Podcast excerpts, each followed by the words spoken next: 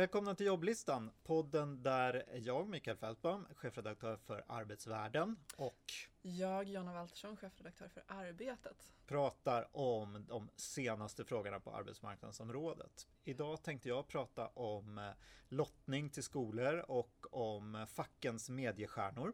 Precis, och jag ska prata om att framtidens jobb kanske inte finns på Arbetsförmedlingen och en teaser om dömda brottslingar. Alright, jag reagerade på en grej i det här 73-punktsprogrammet som kanske inte har fått jättemycket uppmärksamhet och eh, mm. det är ju att eh, det står där att man ska arbeta vidare med förslag från Skolkommissionen. Skolkommissionen kom ju bland annat fram till att eh, förespråka lottning till översökta fristående skolor. Och jag tycker bara det är intressant om man skulle kunna ta upp den tråden igen. För jag tror ju att den skulle påverka segregationen ganska mycket. Det skulle mm, bli mm. ganska svårt för eh, fristående skolor att jobba enligt modellen att man eh, attraherar elever med svenskfödda välutbildade Eh, föräldrar genom köplats som mm. idag gäller, att man ställer sina barn eh, väldigt tidigt i kö. Mm, mm. Så jag tror att den här modellen skulle verkligen få förändra skolsegregationen som ju ökar hela tiden. Vi såg i eh, inslag från SVT Nyheter som gjorde Eh, ja, som gjorde en undersökning om det här som visar att segregationen fortsätter öka. Mm. Nu kanske inte det här jätte... Det ska ju mycket till för att Centern och Liberalerna kanske ska ställa upp på det här för de var ju väldigt kraftigt emot det. Men jag tycker att det är ju en liberal idé att vi ska få samma chans i skolan. Så mm. Det kunde vara intressant om Anna Ekström ändå eh, försökte och drev på och ställde det på sin spets. Kanske ja, att det skulle gå igenom den här gången. Precis, för det känns som att Anna Ekström väl egentligen är liksom stödjer den här typen av förslag. Men, mm. men sen kanske det är svårt att få igenom i med, med, med Socialdemokraterna och Miljöpartiet. Men jag håller med, det skulle vara jättebra om, om det blev lottning. Mm. Ja, en annan grej som vi har skrivit om mm. i, eh, i arbetsvärlden är ju, vi gjorde en liten undersökning vilka som syns, syns i medierna 2018 mm. från fackens företrädare. Kollade på ordförande, vice ordförande, några topptjänstemän sådär. Och Eh, det var ju ganska väntat resultat i de som får flest pressklipp. Då är mm. det Kolle, mm. Eh, Karl-Petter Thorwaldsson, LOs eh, ordförande och sen så är det Eva Nordmark som är TCOs ordförande i topp. Och Tobias Baudin eh, mm. på Kommunal mm. kommer mm. trea. Ganska väntat, de är ändå det näst största fackförbundet i Sverige. Ja. Eh, men om man ställer det där i relation till hur många medlemmar man har, då ser man att Lena Nitz på Polisförbundet toppar listan. Mm. Eh, vilket ju är lite intressant. Ja. Det bygger ju på att polisens frågor har varit heta under året också. Ja, jag tänker särskilt i valrörelsen så gissar jag att hon har kommit ut mycket. Eller om det handlar om, om de här skjutningarna som har varit kanske. Det är ju lite, hon har uttalat sig om ganska mycket attacker mot poliserna. Mm, mm. Mm. mm. Eh, och skjutningar till viss del. Ja, mm. men eh, Ja, nej men det speglar ju lite, det blir en liten exposé över vad valåret handlade om också, vilka som kom ut med sina frågor. Arbetsrätten har ju diskuterats, Torbjörn Johansson, avtalssekreterare på LO, har varit ute en hel del. Mm, mm. Och det ger ju också en indikation på att LO är ju, får vi väl erkänna från TCO-förbunden, hetare i medierna än, vad, L, än vad TCO-förbunden är. Mm, men han, kan man säga att TCO-ordförandena har anledning att vara självkritiska? Eller är det mer att det är väldigt naturligt när, när det varit valrörelse att, att uh, ordförande för LO-förbunden syns mer. Jag tror att det är ganska naturligt både när det är valrörelse och i vanliga fall eftersom eh, ja, dels har ju LO-förbunden kopplingen till Socialdemokraterna mm. men man har ju också man står ju som en starkare liksom motpol mot eh, Svenskt Näringsliv så ofta blir det ju Svenskt Näringsliv mot LO. Mm. Eh, och sen har man ju bra, man har ju väldigt konkreta frågor. Sluta hyvla kanske är tydligare mm. än eh, ge högskolan ett eh, omställningsuppdrag till exempel. Som TCO brukar gå ut med. Det är, ju, ja. det är viktigt men det är svårt att skapa konflikt. Kring. Jo absolut, i mediedramaturgi så, så funkar hyvling bättre såklart än, än, än det andra som jag redan har hunnit glömma bort. ja. Ja, nej men eh, gå in och läs. Det, det, är lite kul att se vilka frågor som har varit uppe. Och mm. sen får man spekulera lite mm. själv i varför mm. det ser ut som det gör. Jag tyckte också det var lite gulligt med det här fackförbundet SLF. som, som ju per medlem hade flest eh, pressklipp. Men det handlade om att förbundet skulle eh, läggas ner. För att de hade för få medlemmar. ja. ja, det var en liten ironi. Det, ja, var, det ja. var väldigt härligt att de delade den här nyheten själva. ja. Mm. Um, det händer ju lite grann på arbetsmarknadsområdet får man väl lov att, att säga. Eh, ingen underdrift. Eh, I veckan kom ju det här varslet från, från Arbetsförmedlingen, 4000 Eh, 500 personer varslas. Eh, samtidigt kommer arbetsmarknadsutredningen och på det har vi då januariavtalet som ju kommer eh, ändra förutsättningarna för Arbetsförmedlingen i, i grunden. Ja, nej men någonting som blir intressant att följa här framöver är ju hur det går för den här privata arbetsförmedlingen som ska få en mycket större, större roll i, i det här. Ehm, och eh, vi har eh, ringt runt och pratat med ett antal kommuner, eh, bland annat med kommunalrådet i Gällivare, Jeanette Weppling, eh, som ju ifrågasätter hur det här ska kunna fungera överhuvudtaget. Det vill säga vilken privat aktör ska vilja etablera sig i Gällivare. Eh, särskilt när Eh, om man nu som Ylva Jonsson signalerar ska använda sig av det här systemet som kommer från Australien, att man får ersättning först efter att man har fått en arbetslös i, i arbete eh, och att den ska ha varit i arbete under en, en period.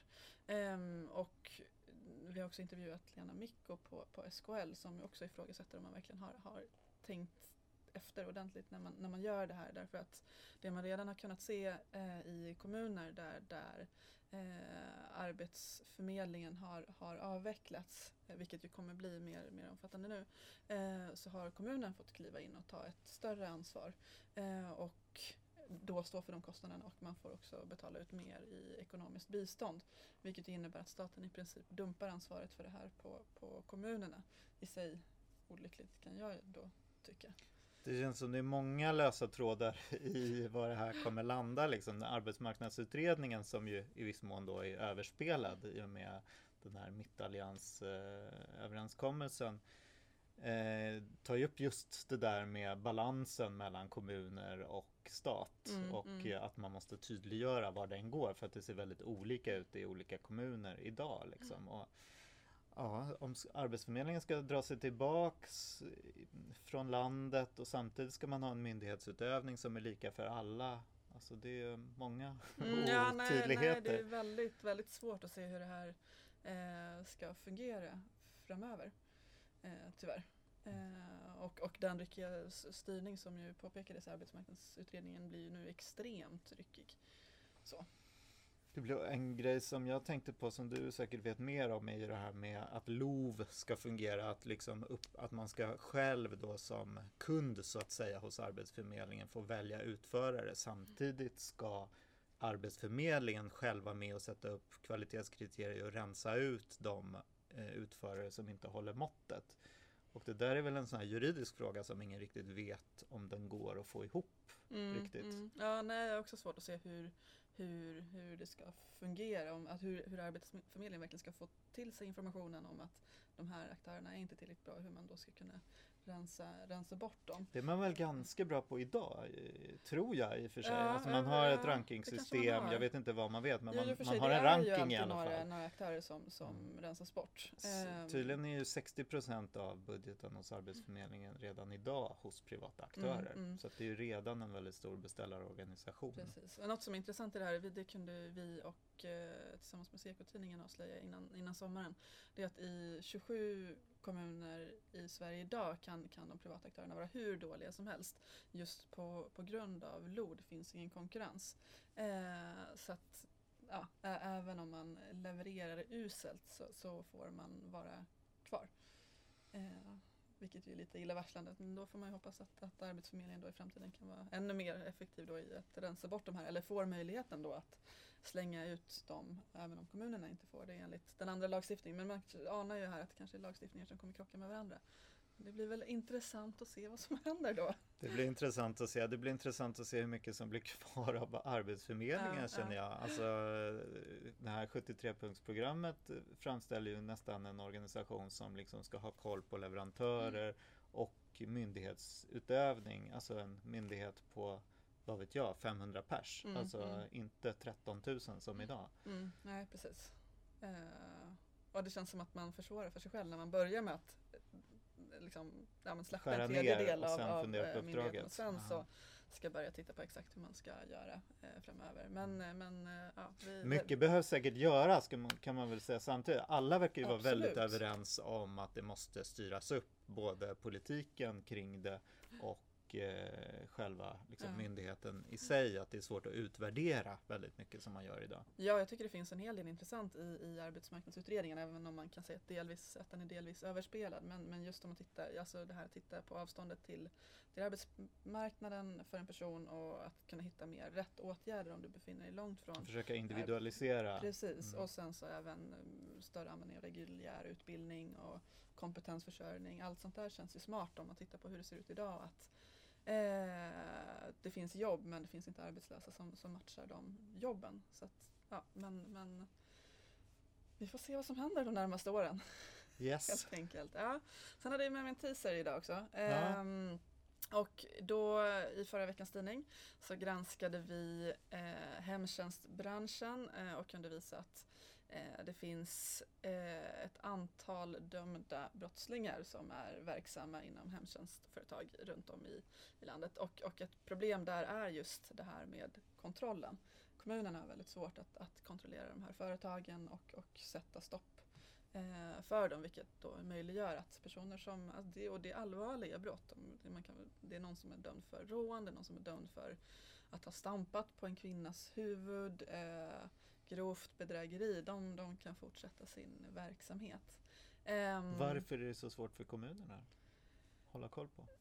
jag tror, jag menar, äh, säg att du är en mindre, alltså det kräver ju att du bygger upp en kontrollenhet, det tror jag inte alla har haft och sen så verkar man kanske inte riktigt ha en systematik för att kontrollera de här löpande utan man, man kontrollerar när, när man skriver avtalet.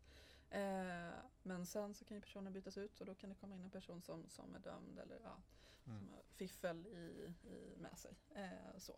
Eh, men också själva kon- kontrollen vid, när man skriver avtal verkar i, i flera fall kunna vara bristfällig. Eh, nu ska ju IVO få ett större ansvar för det här så det, det är möjligt att det kom, kommer att bli Inspektionen för vård och omsorg. Precis. Eh, de ska få ett större ansvar eh, och reglerna skärps och förhoppningsvis kommer det ske en skärpning. Men vi följer upp det här i kommande veckas tidning. Eh, och då ge oss på personlig assistans. Men, men eh, vi kommer också problematisera lite grann kring, kring IVO. Eh, så så det blir spännande. Så att jag tycker att alla ska läsa Arbetet. Det ska man alltid göra. Men, men eh, läs, läs eh, extra noga i nästa veckas tidning. Eh, det är bra journalistik. Ja, vad spännande. Vi Mm. kommer följa upp vår granskning av medie, fackens mediestjärnor också, som man ska läsa Arbetsvärlden också. Det kommer bli otroligt spännande. Härligt. Lite mer, lite mer lättviktigt kanske än er granskning. men- Man, man måste variera sig. Ja. Mm. Bra, ska vi säga tack och adjö för idag? Ja, tack och adjö. Och välkommen tillbaks om ungefär två veckor. Precis. Det ändå var bra up här.